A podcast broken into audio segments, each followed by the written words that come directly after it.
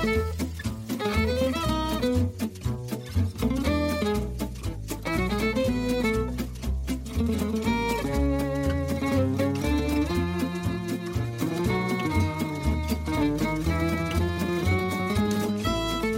tilbake til Musett, procycling.no sin sykkelpodkast. Svetten fra ei heseblesende siste uke i Vuelta i Spania har så vidt tørka opp. Primoz Roglic har vunnet sin første Grand Tour og Slovenia sin første Grand Tour. Og Carl Fredrik Hagen har skrevet norsk sykkelhistorie. Eh, vi har rikelig å diskutere utover Vuelta Spania òg, og vi som vanlig er Simon Nesler. Og i Theis sitt eh, fravær så har vi fått inn en eh, gammel kjenning. En uh, podkastfavoritt. Magnus Drivenes, velkommen tilbake. Jo, tusen takk. tusen takk. Det er en ære å være tilbake. Det Altså, jeg må huske min gode venn og kollega Magnus Ja, Drivenes. Det er, det er viktig å få rett skal være rett. For vi er både gode venner og kollegaer, så det, det passer bra. Ja, nå, eh, Simon har jo gitt deg muligheter til å lage pizza og, og fått varma godt opp her nå, så jeg antar du er godt klar. Ja, det var jo, En pizza kunne kanskje vært inni ett minutt eller to litt lenger, men eh, den ble veldig god. En doktor Rødtger der, altså. Ja. Kan Magnus kan jo få starta eh, og oppsummere litt av eh, hans opplevelse av Weltham, kanskje? ja, det kan jeg for så vidt gjøre. Det har jo vært en veldig morsom Vuelta i Spania. Kanskje mest fordi at i, eh, på fjelletappene så har vi hatt uh, noe ekstra gøy å se etter. Det er litt sånn uh, når helikopterbildene av favorittgruppa ikke bare viser fronten av favorittgruppa, og så går den liksom stadig mer og mer bakover, så man ser hvem, er, hvem som er med, og så henger Carl Fredrik Hagen sånn akkurat med. Det er, kanskje, det er for meg høydepunktene i årets Welta. hver gang det har skjedd. Når man lurer på om han har falt av, men så viser han at han klarte å henge på. Men ellers har det vært veldig mye morsomme etapper. da. Vært eh, underrike rytteren og Jeg tror det har vært mye slitsomme dager for dem. Ja, hva er din favorittetappe, hvis du skal ta det på stående fot? Ja, Det må være den etappe 18.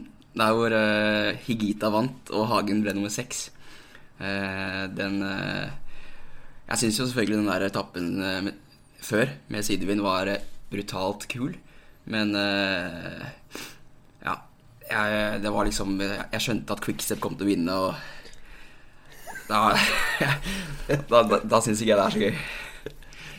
Nei, For eh, folk som har eh, hørt denne podkasten før, så vet de at eh, Magnus Drivenes eh, ikke er nummer én fan av uh, Dickon Quickstep. Eh, så det er jo kanskje forståelig at han ble litt lei av å se de vinne fem etappeseiere til slutt, men ja. Den, det, verste jeg er var kanskje den heller ikke nummer én fan av Philip Gilbert. Nei, det kan, kan vi også si. Men det verste var nesten den seieren til han Remi Cavagna. Cavagna, ja. ja. For det var altså Da han bare ikke bidro der, og så de stakkars bruddkameratene som har jobbet hele tiden, som bare jobber alt de kan for å hente han, men så er de ikke sterke nok fordi han har bare ligget bak. Nei, faen. Da, da ble jeg litt sånn Jeg skjønner at det er taktikk og sykling og sånt, men eh, det er, det er kjedelig, altså. Jeg ble litt lei meg. Ja, han var sterk som holdt unna for feltet. Ja, er du gæren. Det var en, men det var en fet avslutning. Sam Bennett er jo Han herjer jo som om det skulle vært Grisabakken. Så det var synd det ikke var eh, litt nærmere. Ja, Hvis det hadde vært litt nærmere, så hadde jo uh, muligens Gilbert eh, kjørt hard uh, fra bånn av og slått Bennett. Altså det, det var litt vanskelig for deg å komme veldig godt ut av den situasjonen, egentlig, tror jeg. Jeg tror Bennett hadde tatt det. Det, det var om alle vite, men uh, ja. De hadde, de hadde, nok, de hadde nok gjort sånn på etappen som Gilbert vant, og sendt ut én for å presse Presse Bora og Bennett, tipper jeg. Men, men. Sånn er det. Ja. Eh, men vi kan jo se litt på, på siste uka, sånn eh, litt eh, Ja, nesten etappe for etappe. For før forrige podkast så gjensto det vel fem etapper. Stemmer ikke det? Jo, det var vel etter 16 etapper, ja. ja. Så det stemmer. Så vi hadde jo den sidevindstappen dagen etterpå hvor da Skilberg vant. Eh, og etter at eh, det jo sprakk opp fra start og var 200 km med, med brutalt kjør. Eh, Quintana kom seg oppover i sammendraget idet Pernsteiner eh, og flere føyk helt ut. Movistar ble som vanlig eh, hva skal man si gjenstand for eh, debatt. Med Det var jo en del som lurte litt på hva de gjorde når de kjørte som de gjorde i den bakken med fire-fem mil igjen til mål. Det var åpenbart hva de prøvde på, men de fikk veldig mye kritikk uten at jeg egentlig er så med på den. Ja, for de fikk veldig mye slakt, og de fikk også hyllest. Det var, eh, det var litt, det var ganske delte meninger av Movistar eh, sin taktikk på den etappen. Jeg mener jo de gjør alt rett. Altså, du, du har et, en god mulighet til å isolere Roglic og en god mulighet til å få Quintana i rødt. Men Quintana ville jo aldri kommet inn i ledtrøye om de ikke hadde gjort det. Så ja, det kan være at eh, at de henta inn noen sekunder. Eh, de henta jo inn rundt 1 minutt 50 sekunder opp selve bakken, og så litt etterpå. Men eh, jeg tror jo på ingen måte at det er gitt at, eh, at de til slutt henta inn noen sekunder. Så et eh, godt forsøk, men Astana redda jo Roglic eh, der. Ja, og det var litt, ja, det var litt synd at Astana redda Rogers. for det hadde vært gøy med sånn Det var vel fire-fem mil igjen. Ja. Og så måtte, hvis Rogers hadde måttet frem og ta føringer da, bare fordi han var stressa, ja, det hadde vært, uh, hadde vært, en ny, vært kronen på verket for en uh, fantastisk etappe. Men de Ja, de jo Altså, med, ja, sikkert nesten et titalls ganger denne sesongen sittet og undres over Movistar-taktikk og kritisert de, uh, men de gjorde veldig mye riktig den siste uka, da. Eh, det skal de ha. Og kanskje spesielt på, på den etappen. Ja, Det eneste de egentlig gjorde feil på den etappen, var jo at de ikke fikk med seg Valverde eh, i den første gruppa. Han eh, var litt låst av eh, masterbilen, har han sagt sjøl, eh, så han kom seg jo ikke med. Men ellers så, så gjør de jo ganske mye rett. Men dessverre så er Quintana litt for svak. Det er jo egentlig kanskje det største problemet. At du har to korte spillere på, men han Quintana mangler litt. Eh, som han ofte har gjort i de treukersrittene de siste to sesongene, så går han alltid litt tom for gass den siste uka. Og det var jo egentlig litt samme tilfelle i år, hvor han mangler litt i, i fjellene på slutten. Han har faktisk to etappeseiere i Vuelta og Tour de France i år, til sammen. Eh, skal ikke kimse av det. Nei, på ingen måte, men det som han nevnt før, Quintana var jo på en måte den alle trodde skulle bli det helt store for eh, fem år siden, men det har jo ikke helt slått til. Nei, det er litt uh, synd, for så vidt. Videre så hadde vi vel uh, Den påfølgende etappen var vel den som var nærmest identisk med den fra 2016, der uh, dommeren sprakk. 2015. Eh, og eh, ble rimelig godt kjør der òg, og en ny sterk soloprestasjon eh, med tanke på etappeseieren der Sergio Iguita holdt unna. Ja, når var han gikk med 25 km til mål, han òg? Eller var det enda lenger? Det er enda lenger, for det var 25 km fra toppen av siste bakken, så han gikk jo i utforkjøringen ja, fra nest siste bakken, så det var vel sikkert fem-seks ja. mil han var alene. Uh, Nei, Veldig bra kjørt av han. Eh, og Magnus har jo utropt det til sin favorittetappe i eh, årets Vuelta. Det ble jo Jeg hadde veldig dårlig tid til å tenke meg om på den, eh, det spørsmålet. Men ja, det, det, var jo Det var en bra etappe. Og spesielt Carl Fredrik Hagen var jo utrolig sterk på den etappen. Så. Veldig, veldig sterk. Ja, ja han, han ble jo ble nummer seks, da. Eh, bare slått av Iguita. Og så Roglic, Valverde, Maika og, og Lopez. Eh, Roglic-gruppa kom inn 15 sekunder bak eh, Iguita, og så kom CF først inn i gruppe med Quintana 1 minutt og 16 sekunder etter Iguita. Så der var han virkelig oppe og nikka med de store. Ja. Jeg, synes, ja. jeg skulle likt å vite hva eh, Nairo Quintana eh, sa til Carl Fredrik Hagen på på toppen der, på den lille flata før det begynte å gå nedover mot mål. For der var det litt sånn eh, Han vippet med albuen og så bort på mm. Carl Fredrik og litt sånn. Og jeg, jeg, tror ikke Hagen er så vond å be på sånne føringer. Altså, men eh, eh, Jeg skulle likt å vite altså, hva, som, eh, hva er det selveste Nairo Quintana sier til uh, Carl Fredrik Hagen i en sånn situasjon. Altså, hvis det var, hvis det var kritikk fra Quintana at CF måtte bidra, så sier det litt om hans eh, taktiske uh, tanker, da. Men det var kanskje litt for å påvirke han mest, da. Ja. Men jeg syns jo den etappen på, måte, på mange måter er gjennombruddet til Carl Fredrik Hagen, syns jeg. For det er jo den etappen hvor han virkelig blander seg inn blant de aller beste. Så han kom inn i gruppa sammen med, Quintana og Pogacar. Eh, det viste at han, at han var blant de aller, aller beste klatrerne i ritt òg. At han ikke bare har eh, oppnådd en god eh, samla plassering fordi han har kommet seg med et par gode brudd. det var en etappe som virkelig viste at han eh, har et veldig veldig høyt nivå i klatringen. Og det var jo utrolig spennende å følge med han de siste to stigningene, hvor han klarte å klamre seg med over den nest siste, og, og kjørte veldig bra når han først måtte slippe på den siste stigningen. Så han var veld... så offensiv på den første stigningen. Prøvde ja, å komme av gårde. Ja, så en, en, veldig flott etappe av Carl Fredrik, det. Mm. Det som er eh, Eller det jeg syns er mest sånn uh, gledelig å se, da, med tanke på Carl Fredrik Hagen og uh, Grand Tour-sammenheng, det er jo at han er jo bedre i siste uka enn han er i første uka. Ja, og han han eh, sier jo det sjøl at han eh, på en måte eh, alltid passet på at han ikke møtte veggen i, i begynnelsen av rittet, men eh, det er jo klart at han Og det sa han til meg òg når jeg snakket med han etter lørdagens etappe, at han merka at han hadde tatt måte, steg og fått mer sjøltillit på det og kunne være med helt der framme blant de beste i den siste, siste uka kontra den første, så det var en veldig, veldig god utgave av eh, av nordmannen vi fikk se. Ja, for han, altså, han For først er Carl Fredrik veldig smart og pragmatisk.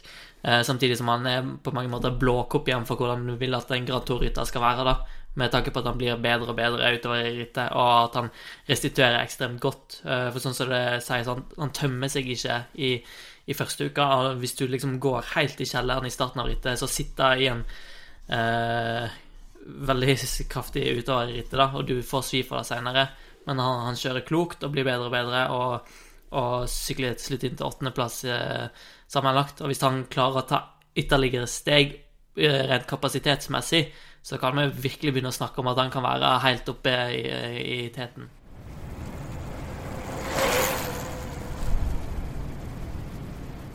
Ja, Hvis vi går videre denne kronologiske gjennomgang, så har vi jo da etappen som eh, vant eh, dagen etterpå. Eh, som jo år ble litt Det ble litt kjør i sidevind da òg. Eller det ble ganske mye kjør i sidevind. Det var jo den etappen hvor det gikk en stor velt med 65 km igjen, tror jeg. Og hvor Movistar hadde en klar plan om å angripe sidevind som kom rett etterpå. Og det gjorde de. Men da var jo da Roglic, eh, Lopez og flere andre hindra i denne velten. Eh, sånn at eh, Movistad fikk jo De fikk en del kritikk, kan man vel si. Ja, med rette, vil jeg også si. Eh, det var eh, Det var frustrerende å se, og eh, ja, de, Man så jo at folk som satt foran sammen med Movistar, de lurte på hva i alle dager de drev med, og prøvde å å stoppe det, men uh, ja, jeg syns det var så gøy da Miguel Angel Lopez uh, slaktet Movistar og Valverde og hele gjengen for, uh, for det de hadde gjort. det syns jeg var helt nydelig. Han mente at de ikke hadde noe respekt. at de alltid utnyttet sånne situasjoner. Og det Uten at jeg kommer på noen sånne konkrete eksempler her og nå, så sitter jeg liksom og nikker og er enig når han sier det. Da får drive siste ord på det, og så hopper vi videre til etappe 20. Eh, siste fjelletappen. Astana kjørte jo som gærninger fra start i et forsøk på å både få to-tre mann opp i veien for Lopez og for å ja, ødelegge Jumbo Visma-laget, som jo da og hadde mista Tony Martin dagen før. Men de endte jo egentlig opp med å kun drepe seg sjøl og en Lopez som eh, var i bakken eh, på denne velten da som eh, vi har snakket om. Han eh, fikk jo kjenne det på, på slutten og tapte mye tid, mens eh, Tadej Pogacar jo kjørte eh, helt strålende, skal vi vel eh, Ja, være enige om. Det var, eh, det var en enorm prestasjon. Eh, altså, han er 20 år, er han ikke det? Han blir 21, eh, tror jeg den på Jeg tror det er til helga. Ja, da blir det sikkert eh, fest. Eh, han eh, han satt, kom inn med Carl Fredrik Hagen bare på den forrige fjelletappen. Eh, og så går han så offensivt til verks, da. Og det var på nest siste fjellet, eller nest siste stigningen. Og ja, bare det å holde unna, da. Han holdt jo veldig bra stand også, selv om Selv etter Han, han tapte jo ikke noe tid fra toppen av den siste Den, den første kategorien og til de var i mål, så eh, Nei, han eh, holdt jo helt imponerende godt. eh, Og litt hjulpet av at favorittene jo bare sto og støtte på hverandre og tulla det hele vekk. De tulla jo vekk egentlig tredjeplassen til Quintana ved at Movistar aldri klarte å få i gang en skikkelig respons på det angrepet med en gang. Eh, av en eller annen grunn. De lot han jo få veldig mye tid, men, eh, men han kjørte utrolig godt. Og jeg syns det var vel fortjent at han Og jeg ender på podiet etter, en, eh, etter et ritt hvor han tross alt han nå har vunnet tre etapper eh, som eh, rittets yngste mann, så det er jo veldig imponerende. Ja. Eh, nei, det må jeg hylle det. Eh, tenk at han, han vant jo Tour de l'Avenir i fjor. Jeg så han eh, eh, Gino Medier i Dimension Data skrev på Twitter noe sånt som at eh, de følte at de ga Pogacar kamp eh, i l'Avenir i fjor. Eh, men det viste seg at han bare tok det som At han bare trente med dem. Han, eh, ja. Ja, han er et eh, enormt talent, og som jeg nevnte i vel forrige podkast òg, at eh, de eh, kommende årene så kommer ikke Egan Bernhard til å få det lett i, i Tour de France. Eh, det var jo en eh, Kan si at eh, Movistar og øvrige lag var veldig avventende på Gachar gikk, men eh, det var en veldig brutal etappe, da. Eh, kanskje ikke den råeste etappen rent profilmessig, men det ble satt full fart fra, fra start av, og det var flere ryttere som gikk ut og sa at eh, det var noe av det hardeste de hadde vært med på. Men da ender jo vi altså opp med podiet Primoz Roglic, Alejandro Valverde og Tadej Pogacar. Det er jo et, eh, et podie fullt av kontraster, det. Ja, rittets yngste og rittets eldste. Det Eller eh, Var de eldst og yngst fra start også, eller var de bare det i mål? Eh, nei, de var vel eldst yngst fra start, tror jeg. Ja, okay, Ja. Uten at jeg skal si det sikkert, men jeg Nei. tror det. Ja, eldst og yngst fra start av, ja. Nei, for all del. Det det er, det er eh, Det er greit på det. det. Roglic har jo, har jo vært helt suveren, og etter Egentlig etter tempoetappen så har det vel aldri vært noe tvil. Eh, han har vel kun blitt satt under press på ja, sidevindstapper, da. Eh, så det har aldri vært eh, tvil om Roglic sin styrke. Eh, så det er, det er jo helt klart en eh, fortjent eh, vinner av Weltan. Det er det ingen tvil om. Ja, han har vært, han har vært den beste. Det, det er jo ganske enkelt forklart. eh, Og det sjøl med litt, eh, en litt uheldig start eh, på rittet, hvor laget jo velter på light tempoen, så har han, siden det egentlig sett ut som den Som den mest ja, komplette rytteren i, rittet, så er veldig fortjent seier. Ja, og vi, vi må jo også hylle Jumbo Visma, da. For eh, de mister jo tross alt eh, Steven Kreuzweig på eh, etappe tre, fire. Helt i starten, i hvert fall, før det virkelig begynner. Og selv også, de mister også Tony Martin, Tony Martin på etappe 19, eller 18. Eh, og selv med seks mann, da, så har de ganske god kontroll på den siste veldig hektiske eh, og tøffe etappen, da. Så eh, veldig bra kjørt av Vimo Visma. Eneste er litt det der de sidestappene hvor de har vært litt bakpå. Eh, men ellers så må de vel nesten få toppkarakter for gjennomføring. Det var jo til dels så Roglic som var bakpå på den, eh, den skikkelig tidsetappen. så, så hadde de jo flere ryttere oppe, men de måtte jo slippe seg ned fordi han hadde jo kødda et eller annet sted eh, Ja.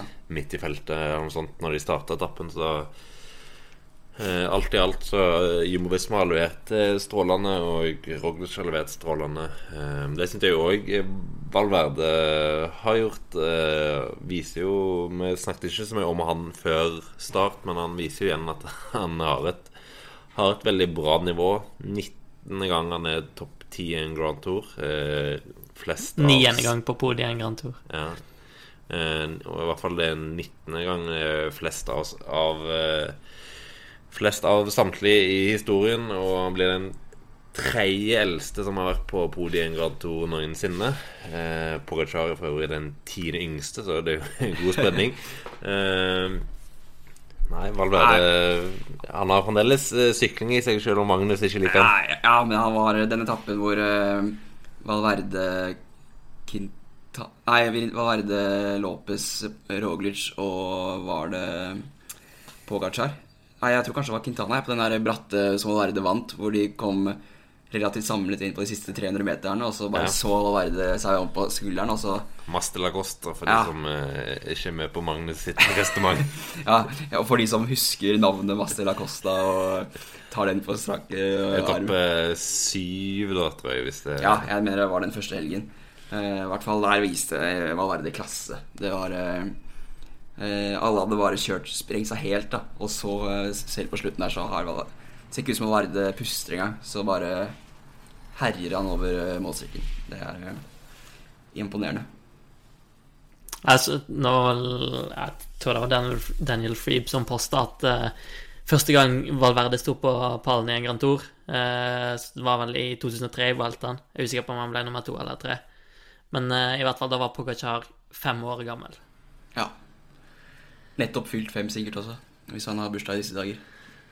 Eh, Ja, Han er vel født i 98, er han ikke det? eh, hvis han ja, hvis han, Ja, han er født i 98. eh, Ja, han var, hadde akkurat fulgt fem år, da. Ja. Eh, altså Angående Pogacar, så Ludvig Holstad en andreplass i en etappe i fredsrittet eh, som junior. Eh, han trodde han eh, hadde seieren i sin hulånd, helt til eh, Pogacar spatt forbi på, Ja, på, på, i spurten.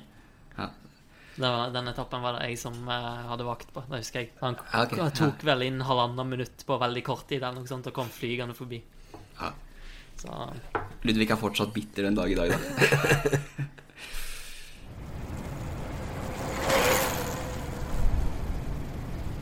Vi har jo snakka litt om CF allerede, eh, men vi hadde to andre nordmenn med. Edvald, nettopp nevnt her i sted, og Rasmus eh, Tiller, begge for Dimension Data. Eh, jeg slakta jo Edvard litt eh, i forrige episode her. Eh, han gjorde det litt skarpere enn han har gjort tidligere i Vueltaen på, på den siste etappen. Men hvordan skal vi oppsummere han og Tiller sin Vuelta? Tiller er vel sånn ganske godkjent. Grand Tour-debutant uten noe holdt på å si, resultatpress. Og han skal jo egentlig bare fullføre og gjøre litt jobb her og der. Så det er jo sånn på det jevne. Ja, han har jo liksom Han har jo eh, plassert Edvald inn i noen avslutninger, og han har jo på en måte gjort en jobb, da. Ja, så du forventer ikke at han skal vinne etapper, du forventer ikke at han skal sitte med i fjellene til, til siste eller Han eh, kom seg fint gjennom på alle fjelletappene og fullførte ganske fint. Og får, får forhåpentligvis en liten, eh, en liten boost av det utover. Det, du får jo ofte litt bedre bein etter, etter å ha gjennomført et sånn type ritt. Ja, det er en investering i fremtiden, sånn sett. Ja. Edvald er vel Ja, hva kan man si Han Han er jo ganske klart nummer tre i den VM-køen for Norge, i hvert fall eh, med den kjøringen han har vist i Vueltaen. Eh, Han får håpe på en voldsom formuesløsning inn mot VM, for eh, han har jo på ingen måte overbevist i Spania. På ingen måte. Det har egentlig vært Det har- vært litt sånn trist, nesten. For du har jo denne avslutningen som vi har snakket om, Gilbert og Bennett. Eh, Der sitter Edvald der og har egentlig alle tiders mulighet. Og en Edvald i god, gammel form hadde jo ja, lett vært topp tre-fire der. Eh, Men eh, ja, det er så vidt han blir Han blir vel 11. Samme også med den tappen som bandet den, Hvor han lagde den velten, da. Også en tappe som burde passe han veldig bra, men han har ingenting å stille opp med. Eh, Du kan jo nevne den etappen til den som Cavagna ja, vant. hvor- helt først inn i siste bakke, og så 45 sekunder bak i mål. Ja. Det er eh, Ja. Det var ikke Det er ikke overbevisende, det Edvald har levert, på noen som helst måte. Eh, Og sånn, hvis vi med tanke på VM, da, eh, og du ser på, på Gilbert, som nå åpenbart er ja, kanskje den største favoritten i, i, i VM, en av de største i hvert fall, eh, og så ser du sånn Ja, ristes på hendene her, eh, Bob Bob, men eh, han er definitivt helt, helt der oppe blant de største favorittene der. Og det er liksom der lista ligger, og på Sam Bennett, eh, de to. Og Edvald er milevis unna der nå. Eh, så jeg tror vi bare skal glemme at han eh, skal kjempe om noen medaljer i VM. Tror jeg nesten kan slå fast med en gang. Ja, jeg, jeg har ingen forventninger om at Edvald skal ta medalje i, eh, i VM på, noen som helst måte, så det Nei, det Vi får se. Vi kan, vi, vi, I beste fall, da, så er det jo eh, Kan vi håpe at han har fått en skikkelig formelløsning. Altså tre uker i et beinhardt eh, eh, Welta bør gjøre underverker. Og jeg syns også Edvald på sånne mm, fjelletapper så har han ikke sluppet med en gang og bare satt seg i gruppettoen. Eh, egentlig tendensen både i toeren og Weltaen har vært at han kjører eh, og henger med så lenge han klarer. Eh, stort sett hver dag. Så det bør jo være litt Altså- utbytte av det her. Sånn Altså, han er jo Han er jo proff på hva Ja 13. sesongen sin, kanskje? Nei, 12. ja, det er ish. vel eh, noe sånt nå. Kanskje 13. Ja. ja. Skulle nesten bare mangle at han sitter Altså, han såpass bra motor og, og grunnkapasitet at det nesten bare skulle mangle. Men han er jo Han har jo ikke noen spissferdigheter for øyeblikket, akkurat. Nei, det, det er det som er litt eh, er det, det er litt trist, da. Eh, Men eh, altså, nå er jo, har jo Edvald Boashagen 151 i odds eh, før, eh, før VM, så jeg tror ikke vi skal forvente, forvente noe stort der.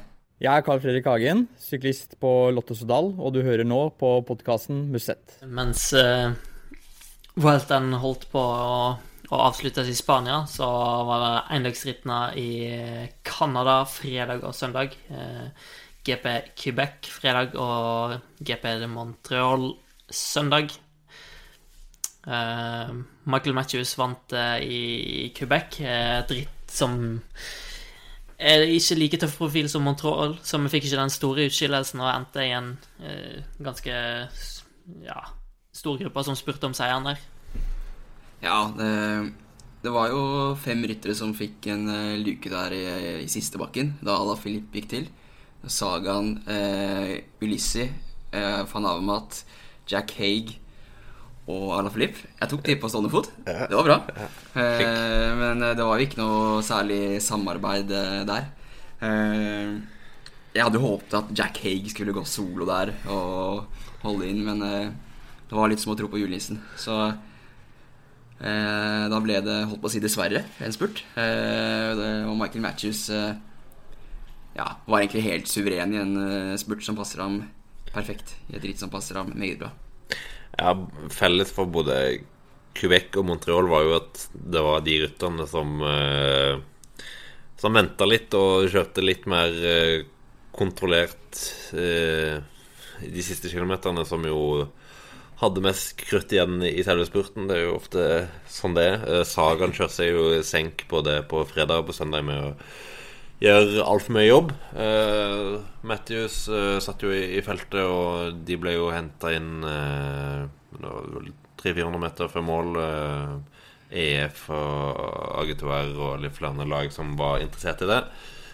Eh, og på søndag så så, så henta jo egentlig Sagan omtrent alene kostene fra og Alla Filip. Eller han henta det ikke, det var to sekunder opp, da, men eh, Og da var det jo Greg van Armat som eh, stakk fram hodet helt på slutten, så Sagaen er nok ferdig med veldedigheten for i år. Det blir nok hardere, hardere eh, tak i VM.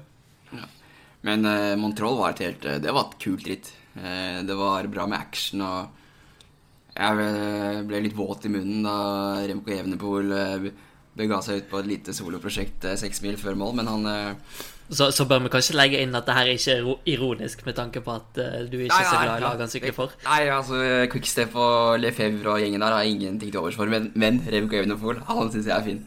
Han, uh, han digger jeg.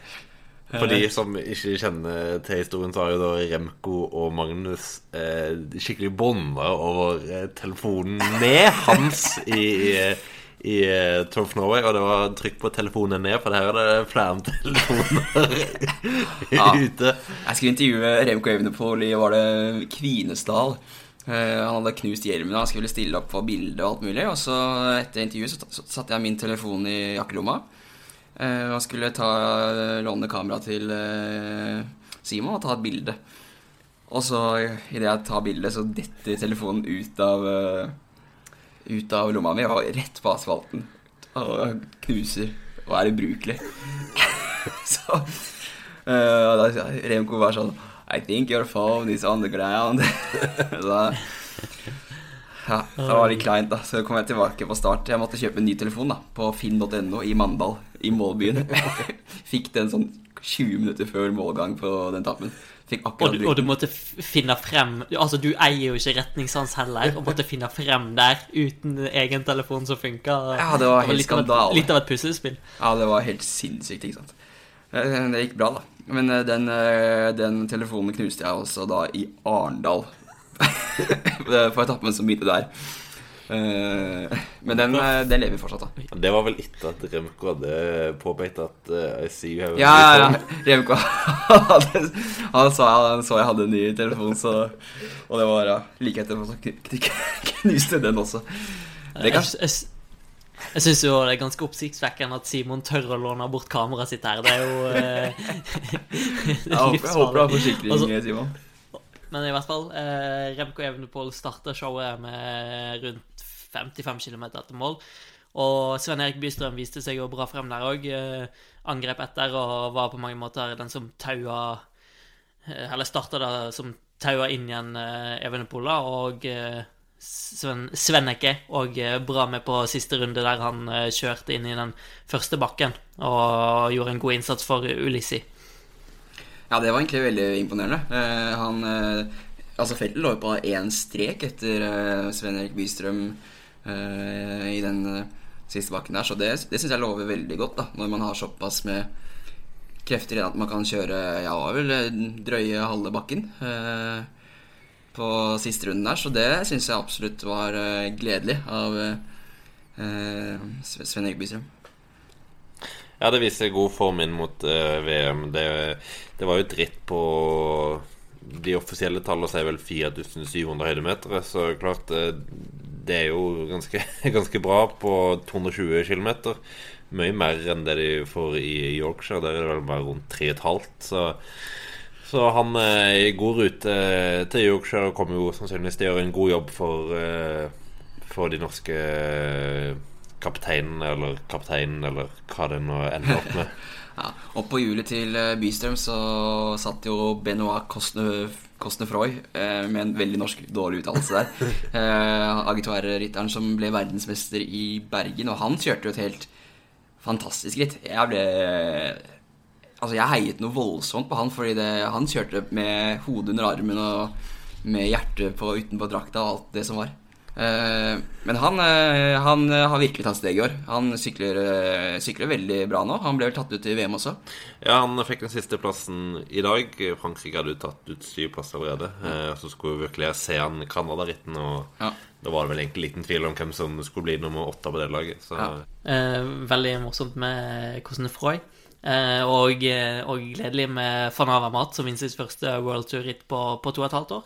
Hello, I'm Alberto Contador and listen to Musets. Vi håper videre til eh, Ovo Energy Tour of Britain, hvor en annen VM-favoritt har, eh, har vist seg eh, bra frem. Jeg tok, meg, tok, meg, tok kanskje litt hardt i når jeg sa at Gilbert var den store favoritten i stedet for han der Poel er vel kanskje, kanskje den største favoritten.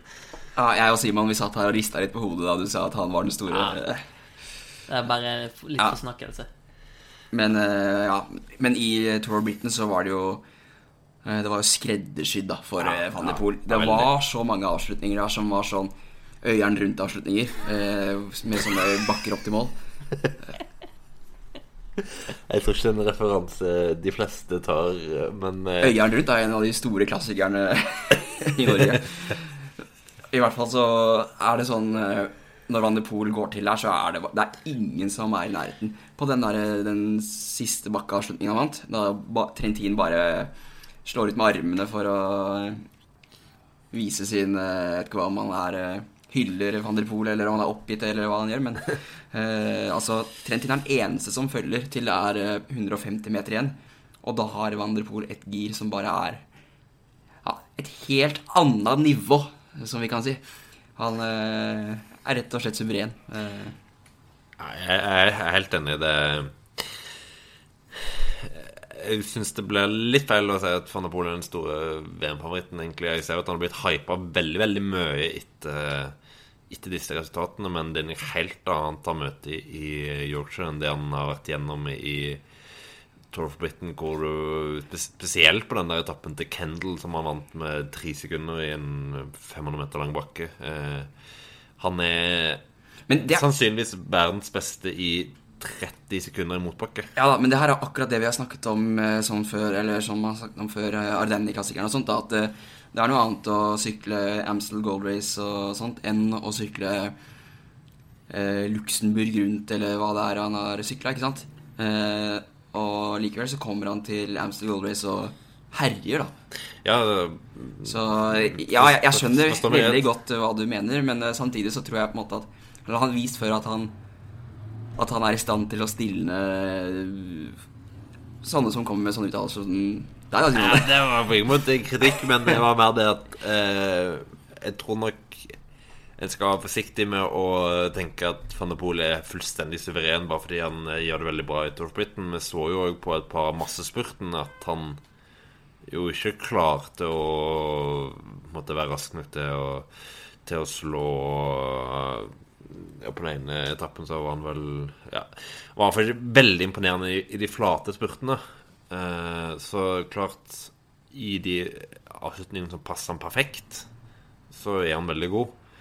Eh, Yorkshire passer han veldig bra, eh, men du har ikke et halvminutt eh, med 10% opp mot mål som du hadde på et par av de etappene i Tour Britain.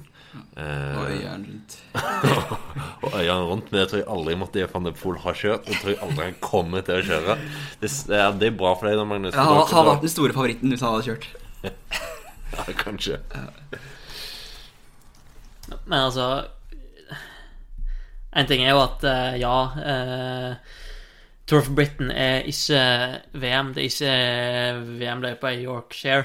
Eh, men han har vist eh, hvor allsidig han er. At han kan levere gode flate spurter på korte etapper.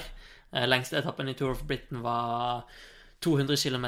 VM er 280. eh, og vil ha Og Hamson Gold Race Ja, er og vil ha- 255.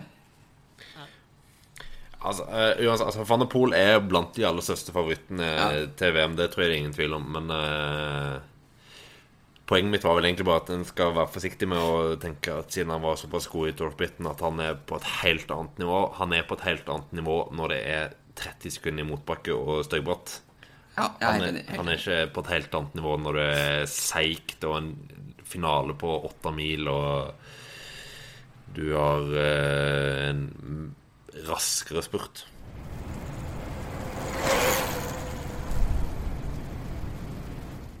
Gå videre til eh, første faste spalten vår, den norske sykkelveka. Eh, og spinne videre fra Tour of Britain og eh, snakke litt om Amund Grønn-alliansen, som blir nummer ti sammenlagt der. Eh, godt fremme på et par av eh, de tøffe bakkeavslutningene og, og viser at han eh, kan være med å prege Muligens være med å prege en VM-finale.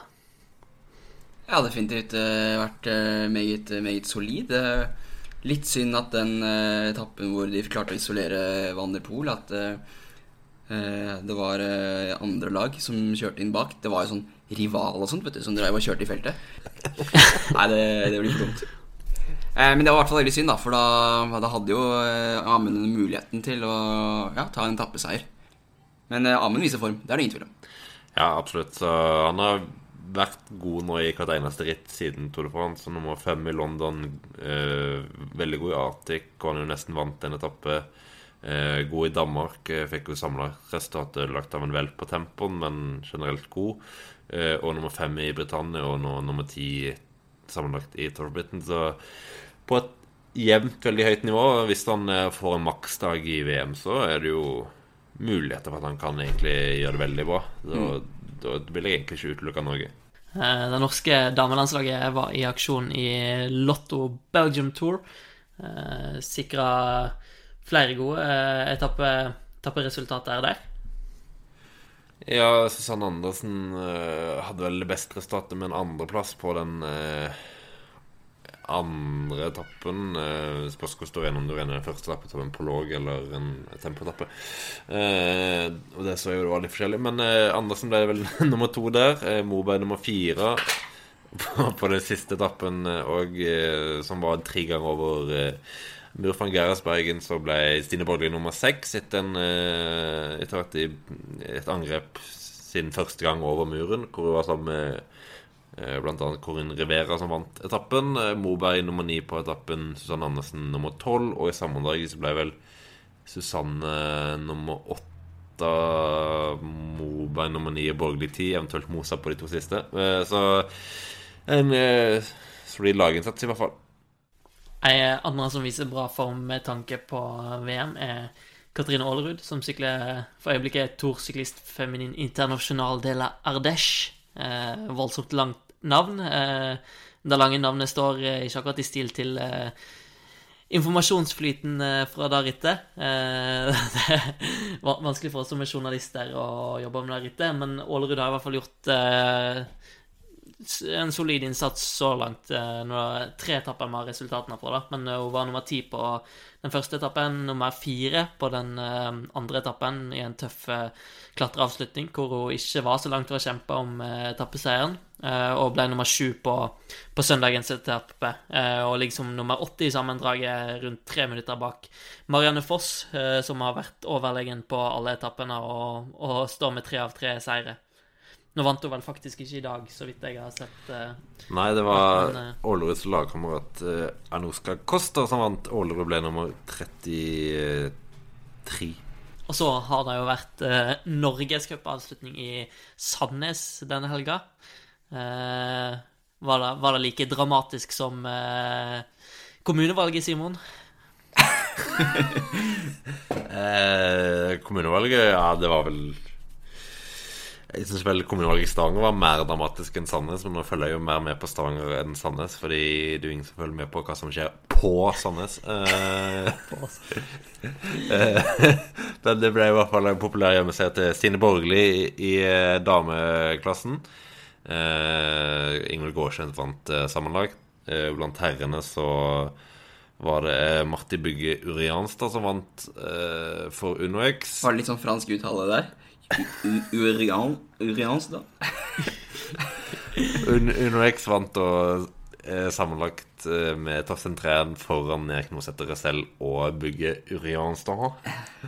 For å ta Magnus' eksempel. Eh, så de vant jo trippelt der. Magnus sin gode klubbkamerat Jon Breivoll lå jo på tredjeplass før siste rittet, men uh, hadde ikke helt eh, full klaff i Sandnes, på Sandnes. Nei, han, Nå kan vi få eh, en liten ana- analyse her, siden vi har en uh, insider. Og Bygde kunne jo stikke av med en stor skalp her, hadde, hadde Breivoll vunnet. Måtte vel nesten vinne siste NC, da. Ja, eh, han måtte nesten det. Og det er klart det har vært vanskelig for, for Jon, spesielt etter Eller i Hallingdal var han jo punktmarkert av eh, Træn og UnoX. Eh, det samme i, eh, i eh, Stjørdal, hvor han eh, var eh, hadde vel trent på hjul omtrent hele rittet, eh, men ble likevel eh, nummer eh, Var det seks eller syv eller fem eller noe på den, på den eh, på den Norgescupen, så han har kjørt veldig bra. Men eh, han var litt innstilt på at eh, det blir kanskje vanskelig nå på den siste, siste Norgescupen, siden han fortsatt var den som var nærmest, da, UnoX. Og de er jo så mange og så sterke. Så han, han sa jo at han hadde håpet at eh, kanskje det kunne åpne opp for eh, noen av de andre på laget. At eh, de, siden de da ikke ville være markert i samme grad. Og Asbjørn Madstuen klarte å komme seg med og ble nummer syv, da. Så det er jo Det syns jeg var stort, stort tenkt av Jon Breivoll, og hyggelig at det gikk bra med Asbjørn. Så det Og Jon har vel slitt òg etter han velta i eh, Ja, Ja, Ronde fra Vestkant var det. Ja. Ute på Sylling der. Jeg, jeg så jo velt med mine egne øyne og hogget inn eh, Ja, det var det styggeste verste jeg har sett. Ja.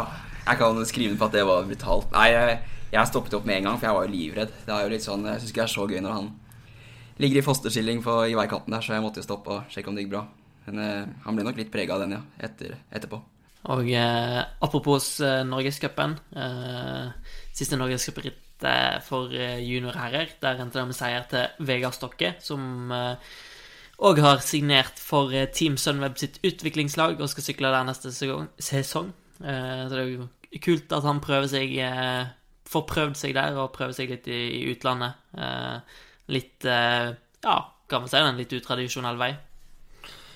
Ja, vi har jo hatt Brødrene Holgaard, som var via eh, utviklingslaget til The Grønne Quickstep, som vel het Ethics den gang.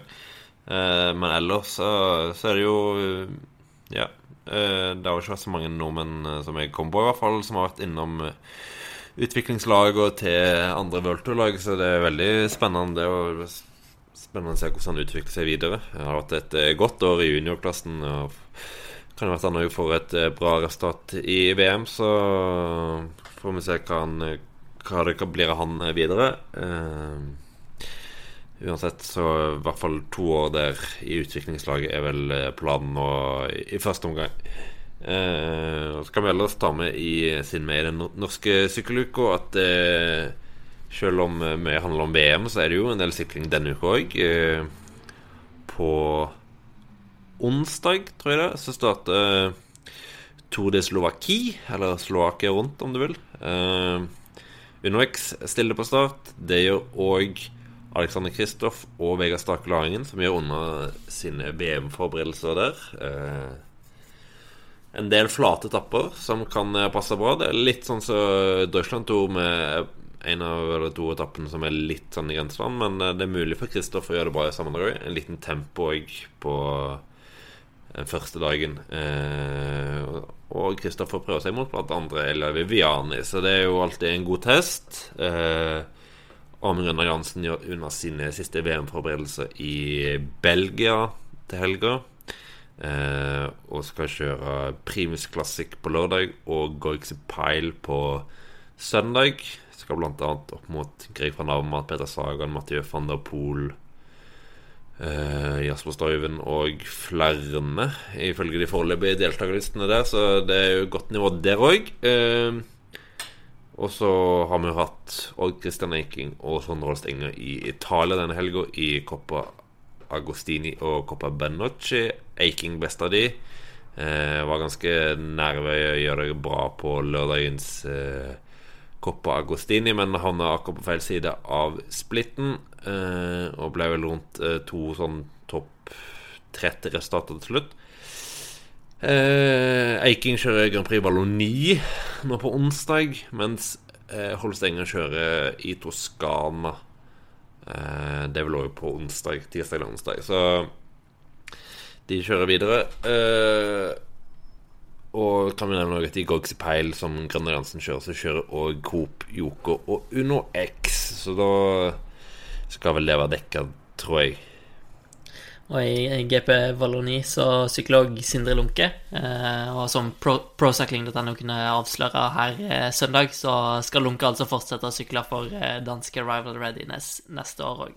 Jeg er Carl Fredrik Hagen, syklist på Lotto Sodal, og du hører nå på podkasten Musett. Magnus har stukket av. Han hadde viktigere ting fore. Eh, så vi får ta avslutninga her sjøl. Eh, Magnus har jo slakta og hylla litt underveis. Eh, slakta Movistar litt og hylla Benoit hvordan eh, Når jeg eh, Uttalelsen eh, gikk meg bort her igjen. Hvordan er Froy var det vel? Ja, du kan sikkert prøve noe sånt. Det går ja. nok greit, det. Men ja, Magnus eh, skulle på stevnemøte, rett og slett. Så da eh, var det viktigere enn å Han kjøpte hat at du sa det der, men uh, bare ta, det er bare til å ta med i redigeringa likevel. Nei, ja, men det, det er en ærlig sak, det å gå på stevnemøter, det. Han er en han er en eh, pen ung mann som eh, har eh, mye å tilby, tror jeg. Så det er nok mange som er interessert i godeste Magnus Drivenes. Uh, Er det mange som er interessert Du skal slakte noe nå, Simon. Er det mange som er interessert eh, i den, da, eller ja, hva enn du skal slakte? Ja, det er jo mange som er interessert i dette laget, i hvert fall. Eh, det har jo vært Det har vi vært innom litt tidligere i, i sesongen at Dimension Data, det, det ser ikke bra ut. Eh, den Vueltaen de leverte, var igjen veldig, veldig svak. Eh, du plukker med deg et lag som har ganske mange gode ryttere som kan gjøre det bra i brudd, men ingen av de er jo egentlig spesielt nærme å vinne en etappeseier. Eh, I sammendraget er verken O'Connor eller Monkeys i nærheten av å henge med. Eh, og Boasen har jo mangler, mangler litt generelt for å kunne kjempe om etappeseier både i spurter og fra brudd, virker det som for øyeblikket. Eh, og eh, nå har de faktisk endelig fått litt gang i Mikael Valgren igjen. Han kjørte bra i Britannia, og han kjørte bra i Canada, men eh, Nei, det Jeg ser liksom ingen skikkelig opptur for det laget. Det, det ser bare jevnt ut for dårlig ut. Og sånn har det sett ut i lang tid. De har, de har prøvd å signere mye nytt foran, fjorårets Eller for en årets sesong det har ikke virka spesielt bra. Nå har de signert en del nytt eh, foran neste sesong, men det ser heller ikke spesielt lovende ut. Det ser ut som de på en måte ikke klarer å komme seg ut av uh, Ut av middelmådigheten, for det er ganske uh, direkte, så Nei, det Det virker som de bare har er et spor hvor uh, hvor laget generelt underpresterer, og det, det må en jo komme ut av. For rytterne der er jo mange av de er jo mer enn gode nok til å levere gode resultater, men det, det er jo altfor altfor sjelden vi, vi, ser det i praksis. Ja, altså Du har liksom ingen tydelig rød tråd i det de gjør. Eh, veldig mange lag som bygger opp sånne bolker og grupper innad i laget eh, som eh, kompletterer hverandre, da. Mens her eh, virker nærmest som en litt sånn der eh, dårlig moneyball-variant, der du liksom signerer ryttere som har litt potensial eller kan gjøre store ting på en bra dag, men sammensetningene blir veldig dårlige. Ja, jeg er helt enig, så nå har du jo største signeringen deres for uh, neste sesong er vel uh, Ja, sånn uh, De har signert Kampenert, Carlos Barbero, Max Walscheid Altså, det det er fine ryttere. De leverer en del toppresultater i løpet av en sesong. Men det er som du sier, det er litt sånn dårlig moneyball hvor eh, en har bare rytter som er på et nivå som uh, gjør at de kanskje henter en seier eller to i løpet av sesongen, og det er litt det.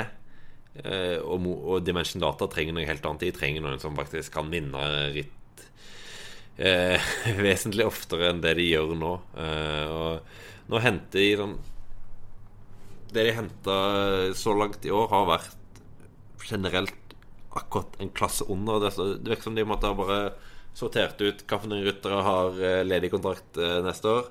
Og så har de prøvd seg på 20 stykk, og så alle sier nei. Og så har de havna langt ned på lista, og så har de signert noen der. Så Nei, det det ser litt tafatt ut, hele laget, syns jeg, på øyeblikket. Uh, går videre til uh, den positive sida. Uh, rød startnummeret. Og uh, ja, vi har vel gjennom hele sesongen støtt og stadig gitt Karl Fredrik Hagen mye skrut. Vi har gjort det gjennom hele velten. men nå får vi det formelt inne i, i spalta her. ukens hyllest går til Carl Fredrik Hagen. Eh, Norge har vært sultefòra på sammenlagtryttere i en, en årrekke. Eh, vi har hatt Hushov, vi har hatt Kristoff Båsson Hagen, som har levd, levd, levert gode prestasjoner i endagsritt, eh, vunnet etapper i Tour de France. Eh, men de er jo klassikerryttere, spurta en helt annen ryttertype. Eh, vi har hatt Lars Petter Norhaug, som har gitt oss eh, glimt av storhet i, denne klassikere og andre ritt, og vunnet endagsritt i Canada. Eh, men eh, nå har vi endelig en som leverer over tre uker. Han definerer på mange måter en ny æra i, i norsk sykling. Vi har Leknesund, Foss, masse unge talenter som er på vei frem nå, som kan gå inn i de rollene i, i fremtida. Men nå har Carl Fredrik Hagen på en måte eh, starta den bølga som, er- som er på vei. Han blir nummer åtte i Vuelta i Spania. Et historisk godt eh, resultat. Det beste norske resultatet i en, i ritt. Eh, beste tidligere var Dag Erik Pedersen sin tiendeplass fra Giroen i, i 1984. Vi har hatt eh, Jostein Wilman, som vel ble nummer eh, 14 i Tour de France i, i 1980. Eh, men aldri har en nordmann vært så høyt oppe i en, en Grand Tour. Og eh, med Pro Cycling har jo eh, Ja, for det første, det er veldig gøy for oss å jobbe med det, eh, og ha en mann som kjemper sånn i sammendraget. For det er på mange måter Grand Tourene som har definert syklinga. Eh, det er det som er størst i mediene. De som har mm, på mange måter den historik største historikken i sporten, den største statusen. Og og pågangen på sidene våre har vært stor. Man merker det i kommentarfeltene hvor stor entusiasme er, det er rundt her. For det, det mange måter det her folk syns det er gøy. Det er en enorm prøvelse å levere over tre uker. Og Carl Fredrik Hagen han, han klarte altså å bli nummer åtte i ball i Spania. Og Theis sa det i forrige episode, altså det er en klisjé med at nordmenn ikke forstår hvor stort det er. Eh, men sykkelfansen forstår jo på, på mange måter hvor stort det her er. Eh, resten av Norge er kanskje ikke, men det er en enorm prestasjon, Simon. Ja, det, det er jo, historisk ganske greit, så det, det baner forhåpentligvis eh, vei, som du sier, for eh, en eh, kommende norsk generasjon av gode klatrere. Eh, vise at det, er mulig med, med godt arbeid over lang tid, og det er jo alltid godt å se. Eh, så nei, en veldig stor norsk sykkelprestasjon. Eh, og eh, blant de aller største eh, i moderne tid, for å si det sånn, da, de siste ja, 30 årene når det kommer til kuperte etapperitt. Eh, der har vi jo virkelig ikke approachjump. Du nevner Norhaug. Han ble vel nummer seks i Baskeland rundt eh, for noen år siden. Men, eh, og så vant han Grand Prix Montreal. Men det er jo sånn mer der vi har vært. Båsen Hagen har vunnet Han vant vel Polen og dagens Binkbank-tour, eller Eneco-tour som det heter òg. men eh, det å gjøre det, gjøre det så bra i et eh, så tøft ritt som Vueltaen, det er noe litt annet igjen. Og nei, det, det henger veldig høyt. Eh, og du, som du sier, det er tydelig at folk har vært veldig sultefòra på det her, venta på det her i, i en årrekke. Altså, selvsagt en seier i Flandern rundt det er jo fryktelig mye større enn en åttendeplass i Volta Spania. Det, det skal det være ingen tvil om, men, eh, men det er et, eh, et veldig viktig resultat for norsk sykkelsport. Altså, ja, nå prøvde jeg å sette en historisk kontekst her, men òg sånn eh, Rent på Carl Fredrik som person, eh, bare måten han har håndtert første sesongen sin som proff på, måten han har gått frem på og jobba.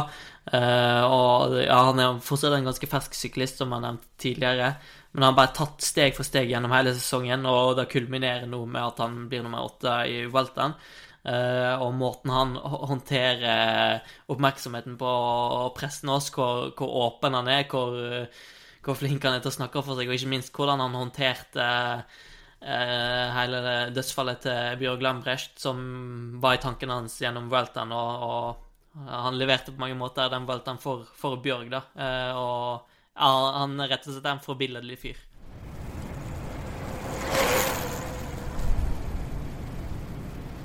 Går mot avslutningen her. Det ble ei solid lengde på det her etter hvert. eh, Men sånn går det når Magnus har eh, pratesjuka.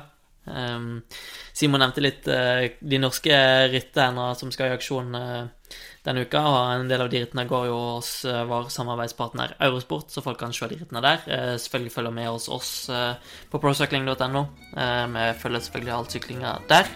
Eh, og så blir vi veldig glad hvis folk går inn i iTunes og og hva er abonner Nei, last ned rang... Ja, nei. Husker du rekka? Du skal i hvert fall abonnere, og så skal du laste ned, og så skal du Ja. rangere. Så- Rangere. Så sleng inn en kommentar, da, vi blir glad. Gi tilbakemeldinger. Setter vi stor pris på. Eh, og så eh, nærmer det seg VM. Eh, planen er i hvert fall en VM-spesial etter hvert, Simon. Ja, vi får se litt eh, akkurat hvordan det blir, men det kommer jo selvsagt eh, mer eh, stoff om det. Nå har vi jo eh, prøvd litt å unngå det i dag, så det kommer mye mer eh, på den fronten. Jeg tror, jeg tror vi gjorde en dårlig jobb eh, sånn egentlig. Det ble en, del VM-snakk. Uh, men eh, vi regner med folk uh, gleder seg til VM. Eh, og så, eh, så bare håper vi folk har kost seg med podkasten, og så er vi tilbake igjen en gang neste uke.